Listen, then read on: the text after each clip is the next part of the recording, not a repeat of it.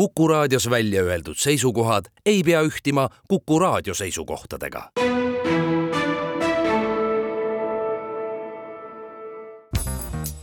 järjejutt. John Gray, kasslaste filosoofia Postimehe kirjastuselt. järjejutt. tuttav filosoof kinnitas mulle kord, et veenis oma kassi veganiks hakkama. uskudes, et mees teeb nalja, küsisin, kuidas ta sellise tulemuse saavutas. kas ta oli kassi varustanud hiiremaitseliste veganpaladega või oli kassile tutvustanud teisi juba veganlust praktiseerivaid kasse kui kassilikkuse eeskujusid? ehk oli ta kassiga vaielnud ja veennud looma, et liha söömine on vale. vestluskaaslane ei saanud naljast aru. mõistsin, et tegelikult ta uskus, nagu oleks kass valinud lihavaba dieedi. seega lõpetasin mõttevahetuse küsimusega, kas kass käib väljas. käib küll, vastas ta. vastus lahendas mõistatuse ilmselgelt toitis kass end teistes kodudes ja jahil käies kui kass ka mõne korjuse koju tõi, tava, millele eetiliselt vähearenenud kassid kahjuks liigagi altid on, oli vooruslikul filosoofil läinud korda neid mitte märgata. ei ole raske ette kujutada, kuidas selle moraalikasvatusliku eksperimendi sihiks olev kass pidi oma õpetajasse suhtuma. hämmeldusele filosoofi käitumise üle oleks peagi järgnenud ükskõiksus. tehes harva midagi, mis ei täida kindlat eesmärki või ei paku vahetut naudingut, käituvad kassid kui ürgrealistid. inimliku rumalusega silmitsi seistes lähevad nad lihtsalt minema. filosoof, uskudes, et oli veennud kassi kohanema lihavaba dieediga, näitas ainult, kui rumalad võivad filosoofid olla selmet oma kassi õpetada, oleks temast olnud targem proovida kassilt midagi õppida. inimestest kasse ei saa. jättes aga kõrvale igasuguse ettekujutuse endist kui kõrgematest olendeist, võivad nad mõista, kuidas kassid saavad elus edeneda ärevalt uurimata, kuidas elada. kassid ei vaja filosoofiat oma loomusele kuuletudes on nad rahul sellega, mida elu neile jagab. seevastu inimestele näib loomusega rahulolematus olevat loomuomane. vaatamata ettearvatavalt traagilistele ja farsilikele tagajärgedele ei lakka inimloom püüdlemast olla midagi, mida ta ei ole. kassid selliseid ponnistusi ei tee suur osa inimelust on võitlus õnne nimel.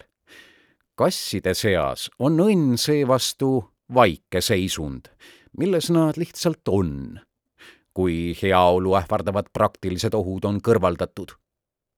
Öeldu võib olla peamine põhjus, miks paljud meist kasse armastavad. õnn, mille saavutamises inimesed sageli põruvad, on kasside sünniõigus filosoofia allikaks on ärevus ja kassid ei kannata ärevuse all, välja arvatud juhul, kui neid ähvardab oht või nad satuvad võõrasse kohta.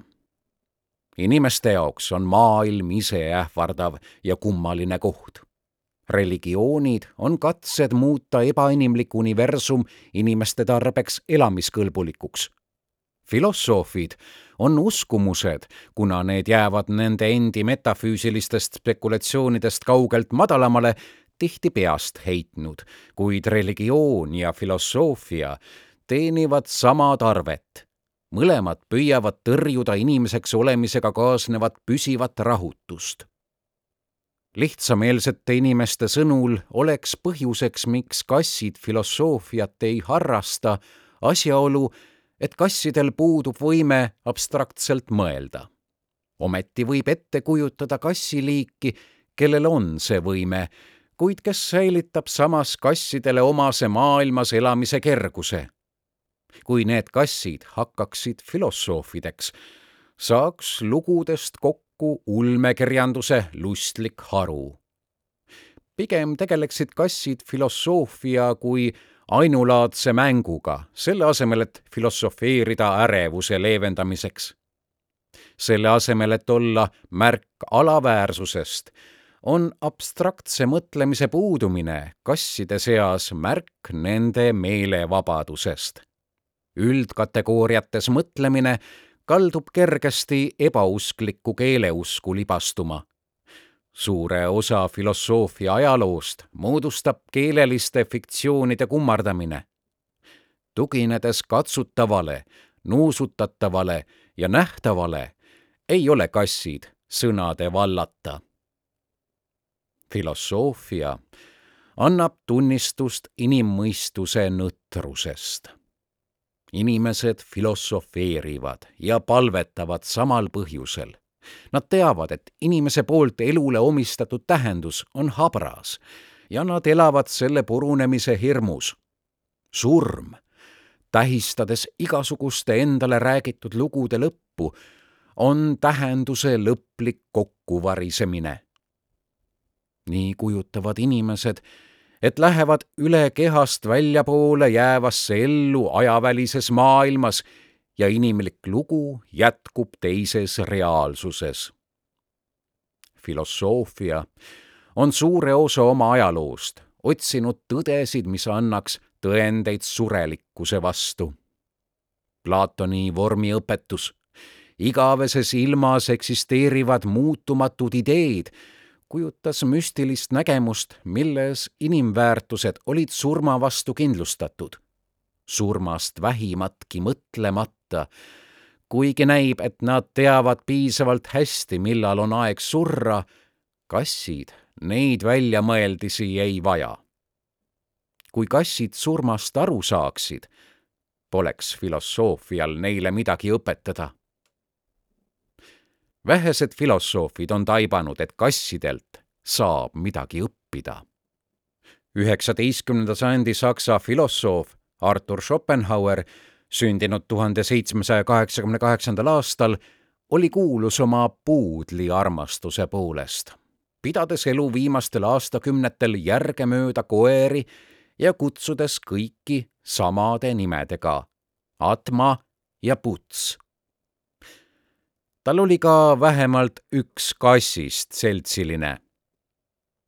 kui Schopenhauer tuhande kaheksasaja kuuekümnendal aastal südamepuudulikkusesse suri, leiti ta kodus diivanilt nimetu kassi kõrvalt. Schopenhauer kasutas lemmikloomi toetamaks teooriat isiksusest kui illusioonist. inimesed ei suuda mõelda kassidest teisiti kui enesesarnastest eraldiseisvatest indiviididest, kuid see oli Schopenhaueri arvates viga, kuna mõlemad on platoonilise vormi eksemplarid, arheotüüp, mis kordub paljudel erinevatel puhkudel.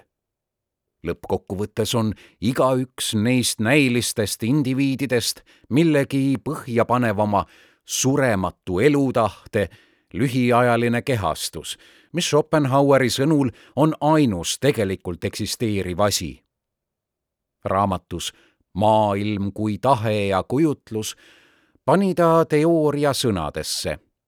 ma tean väga hästi, et kõik peaksid mind hulluks, kui ma tõemeeli kinnitaksin, et kass, kes praegu minu õues mängib, on ikka veel seesama kass, kes tegi seal samu hüppeid ja tempe juba kolmsada aastat tagasi. aga ma tean ka, et veel palju absurdsem on uskuda, nagu oleks tänane kass läbi ja lõhki hoopis teine kass kui see, kes elas kolmsada aastat tagasi.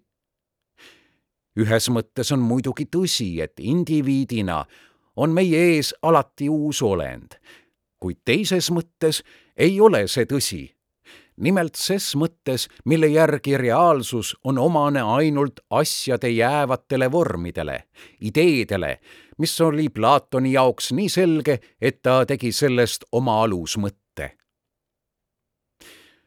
Schopenhaueri nägemuses kassidest kui igavese kassi põgusatest varjudest on teatud võlu. ometi, mõeldes kassidele, keda ma olen tundnud, ei meenu mulle esmalt mitte nende ühised jooned, vaid erinevused. Mõned kassid on meditatiivsed ja rahulikud, teised aga tegusalt mängulised, ühed ettevaatlikud teised hoolimatult seiklushimulised, mõned vaiksed ja rahumeelsed, teised häälekad ja väga iseteadlikud. igal neist on oma maitsed, harjumused ja isikupära. Kassidel on loomus, mis eristab neist teistest olenditest, eriti meist endist. kasside loomus ja see, mida me neilt õppida saame, on selle raamatu teema ometi ei saa keegi koos kassidega elanutest neid vaadelda kui ühte ja kindlat tüüpi, asendatavaid isendeid. igaüks neist on ainulaadne ja kujutab isiksusena enamat kui paljud inimesed. Siiski nägi Schopenhauer loomi inimlikumalt kui teised juhtivad filosoofid.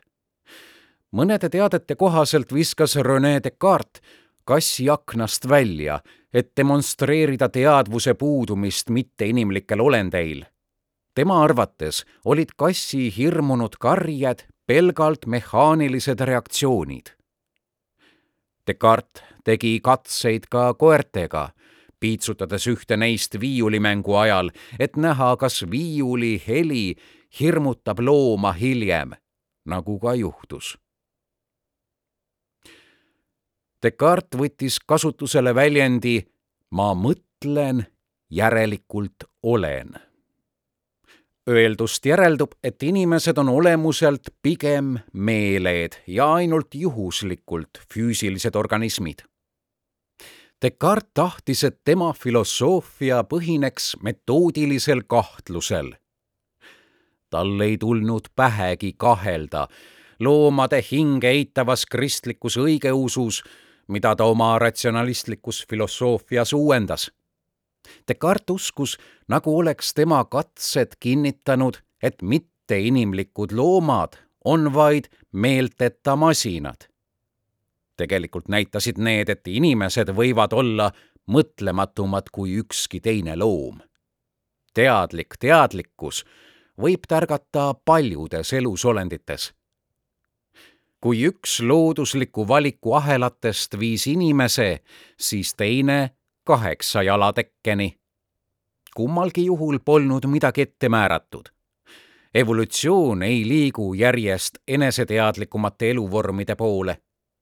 Teadvus ilmub ja kaob, ilmnedes seda valdavates organismides juhuslikuna kahekümne esimese sajandi transhumanistid arvavad, et evolutsioon viib täielikult eneseteadliku kosmilise meele tekkeni. sellistel seisukohtadel on pretsedente üheksateistkümnenda sajandi teosoofias, okultismis ja spiritismis. Ükski neist ei põhine Darwini teoorial. inimeste eneseteadvus võib olla ühekordne juhuslik sündmus. järeldusena võib öeldu tunduda sünge. aga miks peaks eneseteadlikkus olema kõige olulisem väärtus? teadvus on väärtusena ülehinnatud vahetevahel osaliselt eneseteadlikke olendeid tootev valguse ja varju maailm on huvitavam ja elamisväärsem kui see, mis peesitab omaenese peegelduse vankumatus säras. kord iseendasse pöördununa seisab teadvus hea elu teel jalus. eneseteadvus on oma lakkamatutes katsetes sundida valusaid kogemusi teadlikkusest eraldatud ossa sulgema inimmõistuse lõhestanud küsimustes elu mõttekusest pakitseb paisena alla surutud valu. seevastu kasside meel on üks ja jagamatu. valu kannatatakse ja unustatakse ning elurõõm tuleb tagasi. kassid ei pea oma elu uurima, sest nad ei kahtlegi, et elu on elamist väärt. inimese eneseteadvus on tekitanud igavese rahutuse, mida filosoofia on asjatult püüdnud ravida. paremat arusaamist kassidest ja filosoofia piiridest näitas Michel de Montaigne, kes kirjutas kui ma mängin oma kassiga, siis kes teab, kas mitte tema ei veeda pigem oma aega minu seltsis, kui mina enda oma tema seltsis. Montagne'i kirjeldatakse sageli kui üht moodsa humanismi mõttevoolu, mille eesmärk on jätta maha igasugune ettekujutlus Jumalast, rajajat. Tegelikult oli ta inimkonna suhtes sama skeptiline kui Jumala suhtes kõige viletsam ja hapram kõigist loodutest on inimene, kirjutas ta, ja samal ajal kõige ülbem. varasemaid filosoofiaid uurides ei leidnud ta ainsatki, mis võiks asendada teadmisi, kuidas elada loomade kombel loodusest antud moel. Juba ainuüksi sellepärast võivad nemad meid samamoodi tõbrasteks pidada, nagu meie neid peame. teised loomad olid inimestest paremad, kuna neil oli elamisest kaasasündinud arusaam. siin eemaldus Montaigne kristlikust veendumusest ja lääne filosoofia peamistest tavadest. Montaigne ajal oli skeptikuks olemine riskantne tegevus Prantsusmaad, nagu teisigi Euroopa riike, räsisid ususõjad.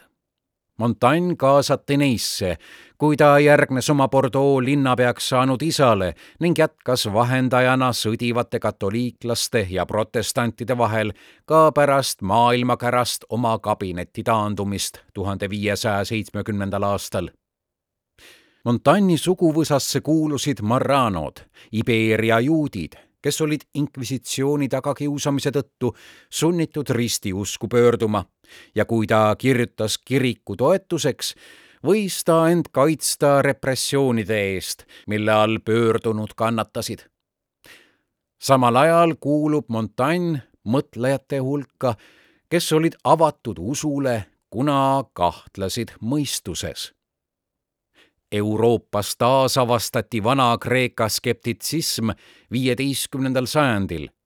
Montagne'i mõjutas selle kõige radikaalsem suund, pürronism, mis sai nime Elise Pürroni järgi, kes reisis koos Aleksander Suure armeega Indiasse, kus ta olevat väidetavasti õppinud koos gümnosoofide, alasti tarkade ehk joogidega võimalik, et nendelt tarkadelt võttis Pyrrhon üle idee, et filosoofia eesmärk on ataraksia, hingerahu tähistav mõiste, mida ta võib-olla esimesena kasutas.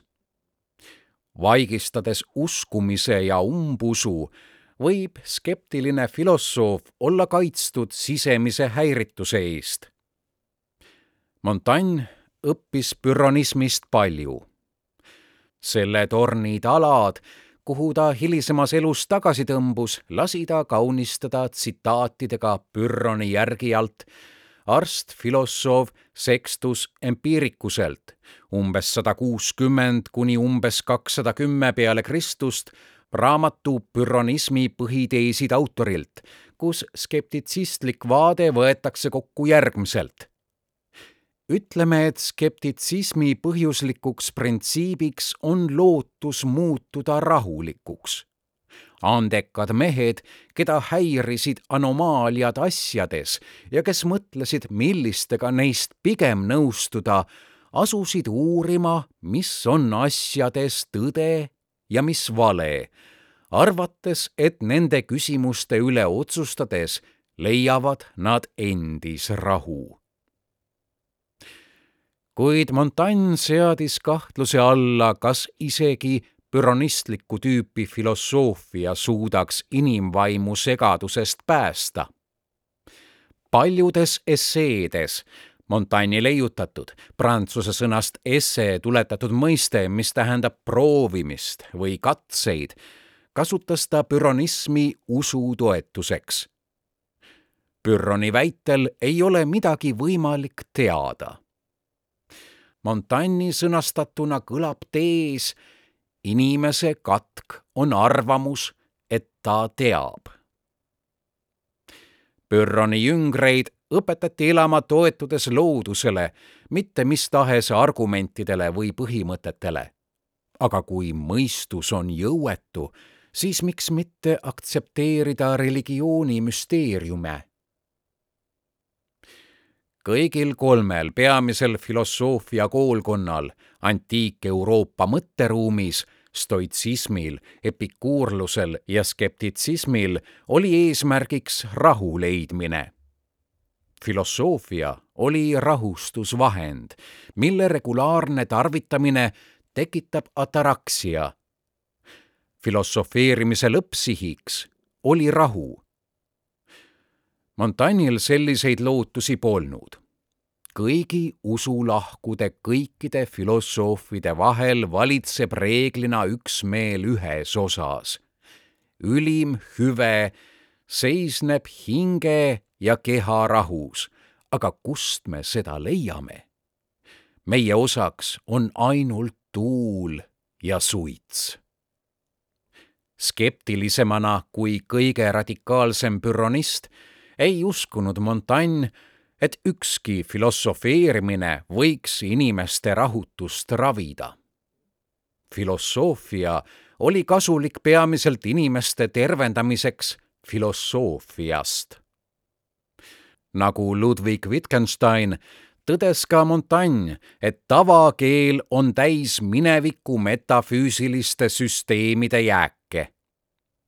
Neid jälgi paljastades ja tõdedes, et nende kirjeldatud reaalsused on tegelikult väljamõeldised, võiksime mõelda paindlikumalt väikesed annused sellist filosoofia vastast homoöpaatilist ravimit, võiks öelda, et antifilosoofiat, võivad meid teistele loomadele lähemale tuua.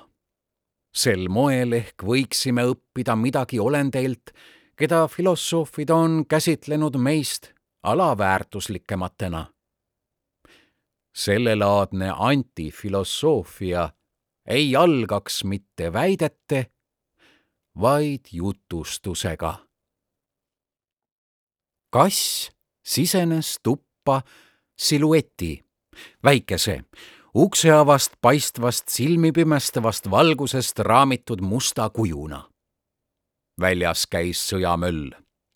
tegevuspaigaks oli Vietnami linn Hüi tuhande üheksasaja kuuekümne kaheksanda aasta veebruaris, mil algas Teeti pealetung Põhja-Vietnami lahingukampaania Ameerika vägede ja nende Lõuna-Vietnami liitlaste vastu, mis viis aastat hiljem viis ameeriklaste lahkumiseni riigist.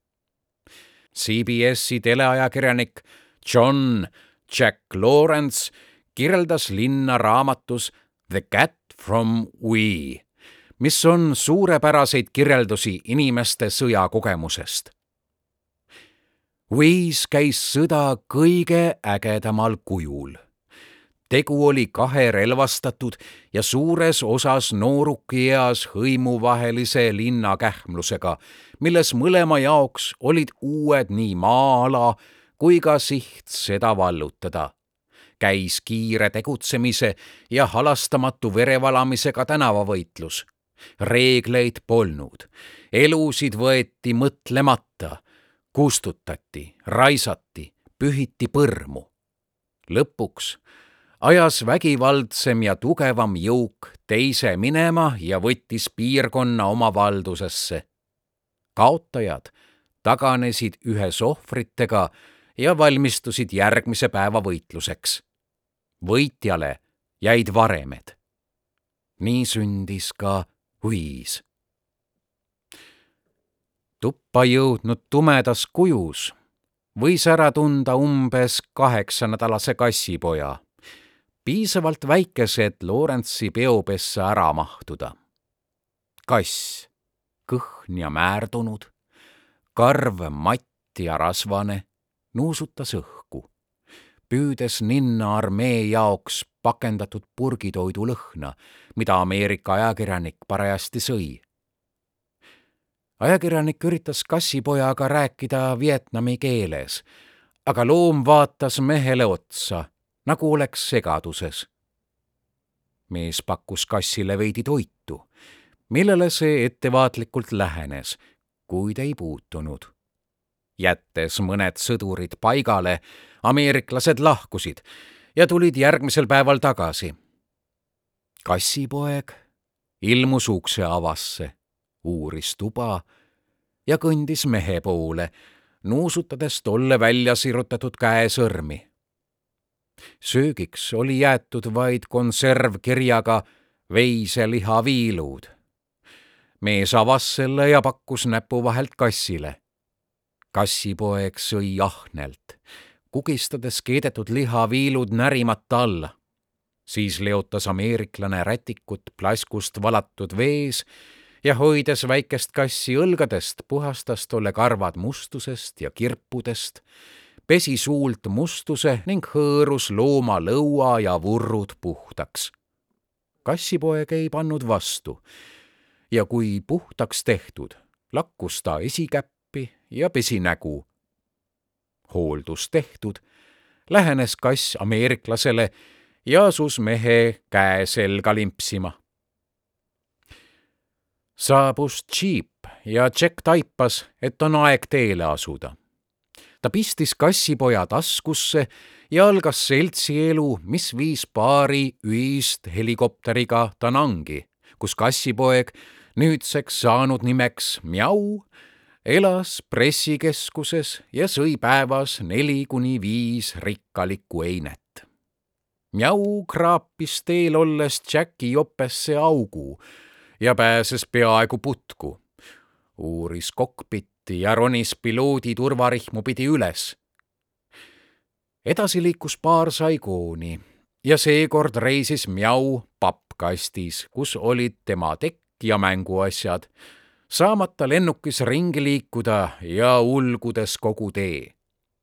koos ööbiti hotellis, kus Mjau sai, vaatamata tugevale vastupanule, vannitatud. tema pealtnäha must karv osutus tahtmatuks maskeeringuks, mille alt paljastus säravate siniste silmadega punakakarvaline siiam hotellis toideti Mjaud regulaarselt, neli korda päevas köögist ülejäänud kalapeade ja riisiga. kuid ta tungis ka teistesse tubadesse, et toidulisa otsida. kass hüppas hotellitoa aknalauale ja lamas seal tundide viisi täiesti järksana, kuid peaaegu liikumatult, jälgides all olevate inimeste, tulede ja sõidukite liikumist sõjas osalenud Ameerika ajakirjanikud õppisid vastu pidama, pummeldades ja pannes koos narkotsi ning vajudes une uima, millest vaid õudusunenäod neid äratasid.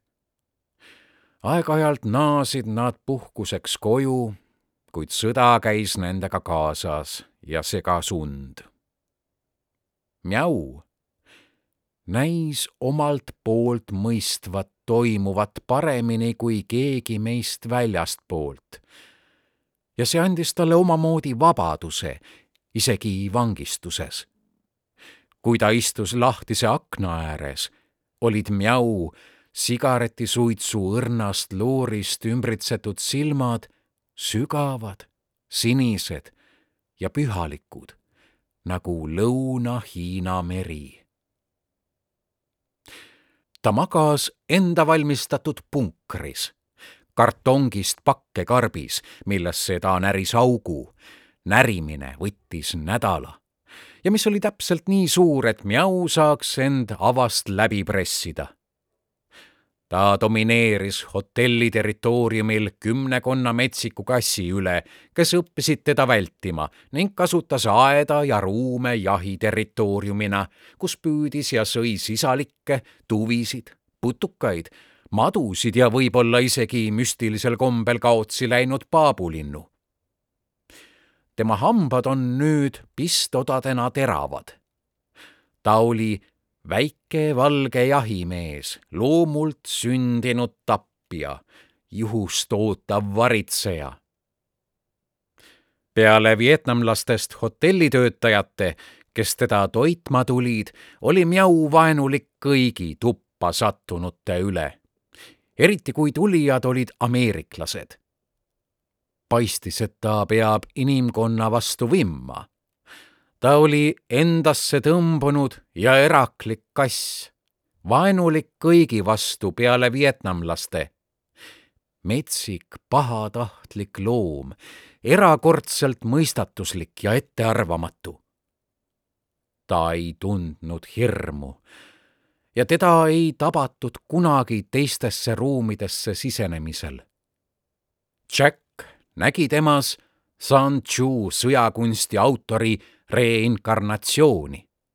intelligentne, julge, kaval, metsik. kassis kehastunud Vietkongi versioon Hiina sõdalasfilosoofiast. pooleldi metsikult kasvanuna oli ta sitke, iseseisev, kergesti ärrituv, sõdurlik ja häirimatu valgekarvaline zen-sõdalane. Hoolimatus oli osa tema sarmist.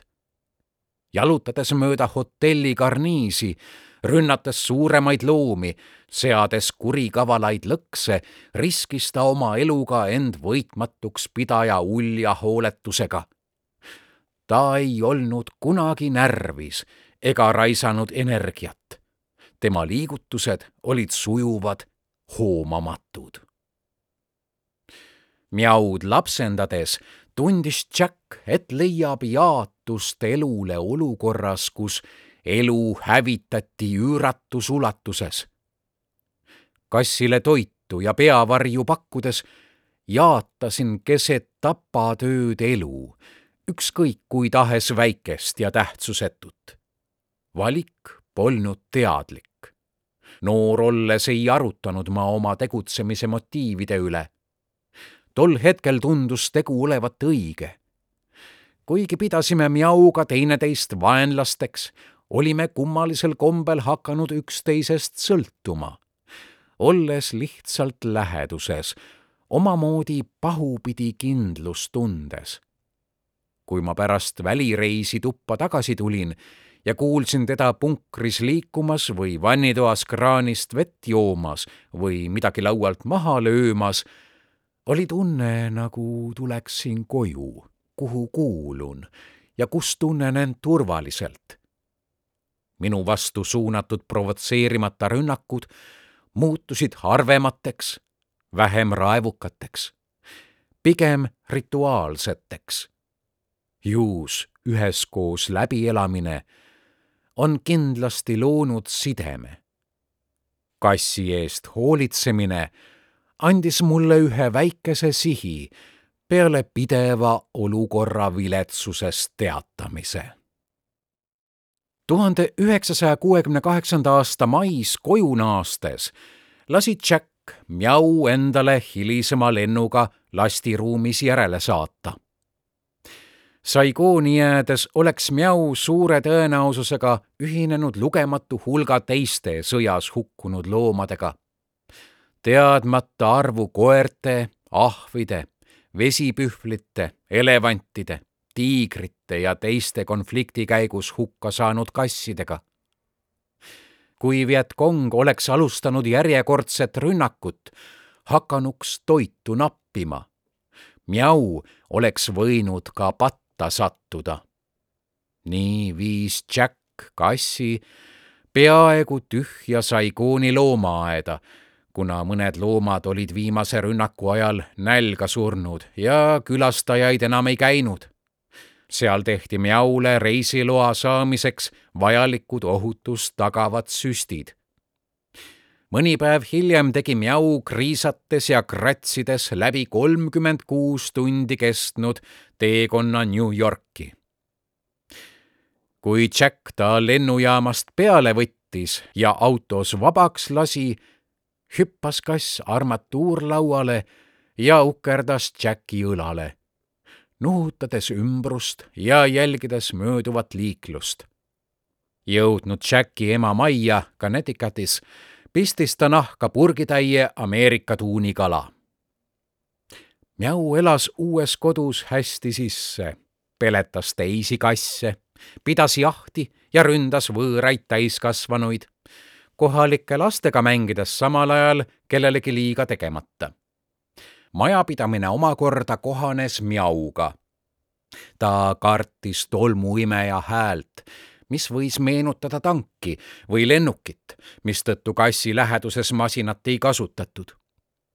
pärast Mjau rünnakut loobus majapidajanna tööst. kui kass kord kadus, otsis Jacki ema teda mitu päeva, enne kuni leidis Mjau garaažist ühest kastist, kuhu too pärast ränka liiklusõnnetust oli kuidagi tee leidnud. loomaarst ei andnud lootust.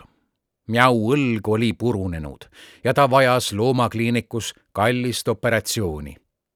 ometi naasis kass pärast kuud haiglas veedetud nädalat Jacki ema majja vaatas üle oma lemmikpaigad ja jätkas elu puudel ronides, päikese käes magades ja jahti pidades.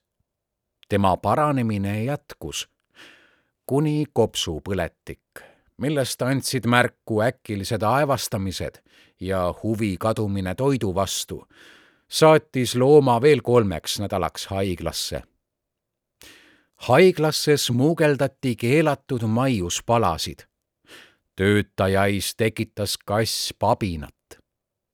seekord taastus Mjau tervis täielikult, kuigi kogu ülejäänud elu oli tal kombeks aevastada. pärast paranemist lahkus Mjau Connecticutist, ühinemaks Jackiga Manhattanil vanas liivakivist majas asuvas ühetoalises korteris, kus Jack elas koos elukaaslase Joy'ga tuhande üheksasaja seitsmekümnendal aastal naasis Jack kuuks ajaks Vietnami ja Miau paistis temast puudust tundvat. kui Jack tagasi tuli, ei pööranud Miau talle tähelepanu. ta nuuskis hoolikalt Jacki pagasit, nagu meenutaks lõhn talle midagi. Jack andis talle Saigoonist pärit mänguasja, kuid kass eiras seda läks oma punkrisse ja veetis seal ülejäänud pärastlõuna. õhtul ütles Joy Jackile, et Mjau olla roninud voodile, istunud Jacki pea juurde ja veetnud tunde magaja nägu vaadates. Ameerikas tagasi olles meenutas Jack oma Vietnamis veedetud aega põnevuse ja õudusega. õudusunenägusid summutas ta narkootikumide ja alkoholiga. tuhande üheksasaja seitsmekümnendate aastate alguseks oli New York muutumas ohtlikuks ja kohati tundus, nagu oleks Jack tagasi lahinguväljal. kui vabanes töökoht Londonis, kandideeris ta sellele. Jack ja Joy võtsid Mjau endaga Londonisse kaasa paaril sündisid kaks tütart. kass oli sunnitud veetma kuus kuud karantiinis, katsumus, mida ta eales ei unustanud ega andestanud hoolimata sellest, et Jack ja Joy teda regulaarselt külastasid. uuesti nende juurde elama tulles oli ta metsikum kui varem, kraapides Londoni korteris kõike ribadeks magades ta vahel kangestus ja värises, nagu oleks maadelnud kummitustega. mõne aja pärast kohanes Miau mugava ja turvalise eluga koos Jacki ja Joy ning nende kahe väikese lapsega. üks Jacki tütardest, Jessica, andis Miaule toidukordade vahel maiustusi ja Miau magas öösiti tema kõrval. koheldes Jacki kui vana sõpra, sõpra, lakkus Mjau hilisõhtul tema sõrmedelt viskitilku ja puges mehega samal ajal magama.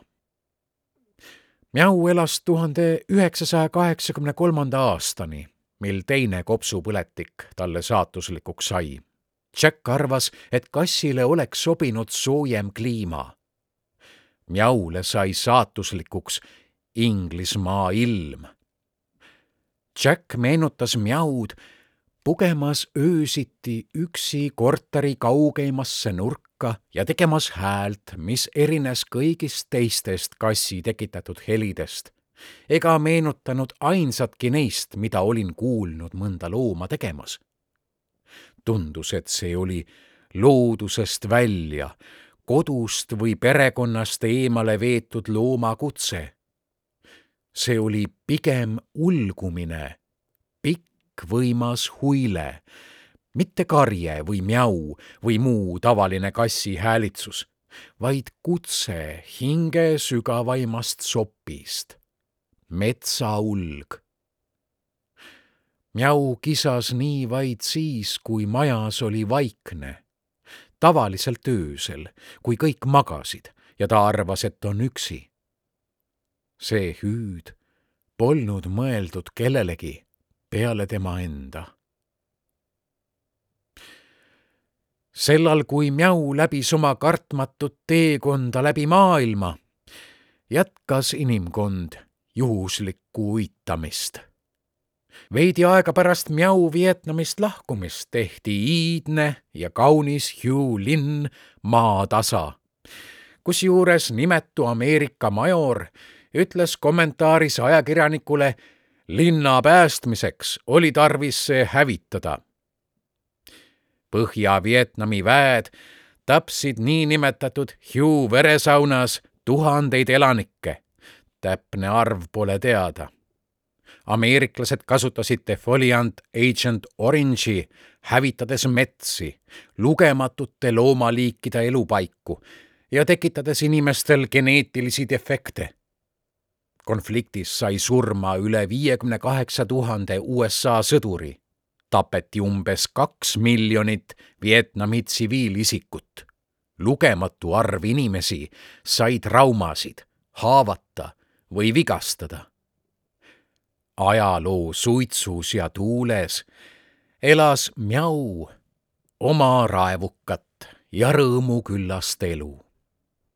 Inimhulluse poolt kodust välja kistuna õilmitses ta kõikjal, kuhu sattus. järjejutt. John Gray, kasslaste filosoofia Postimehe kirjastuselt. järjejutt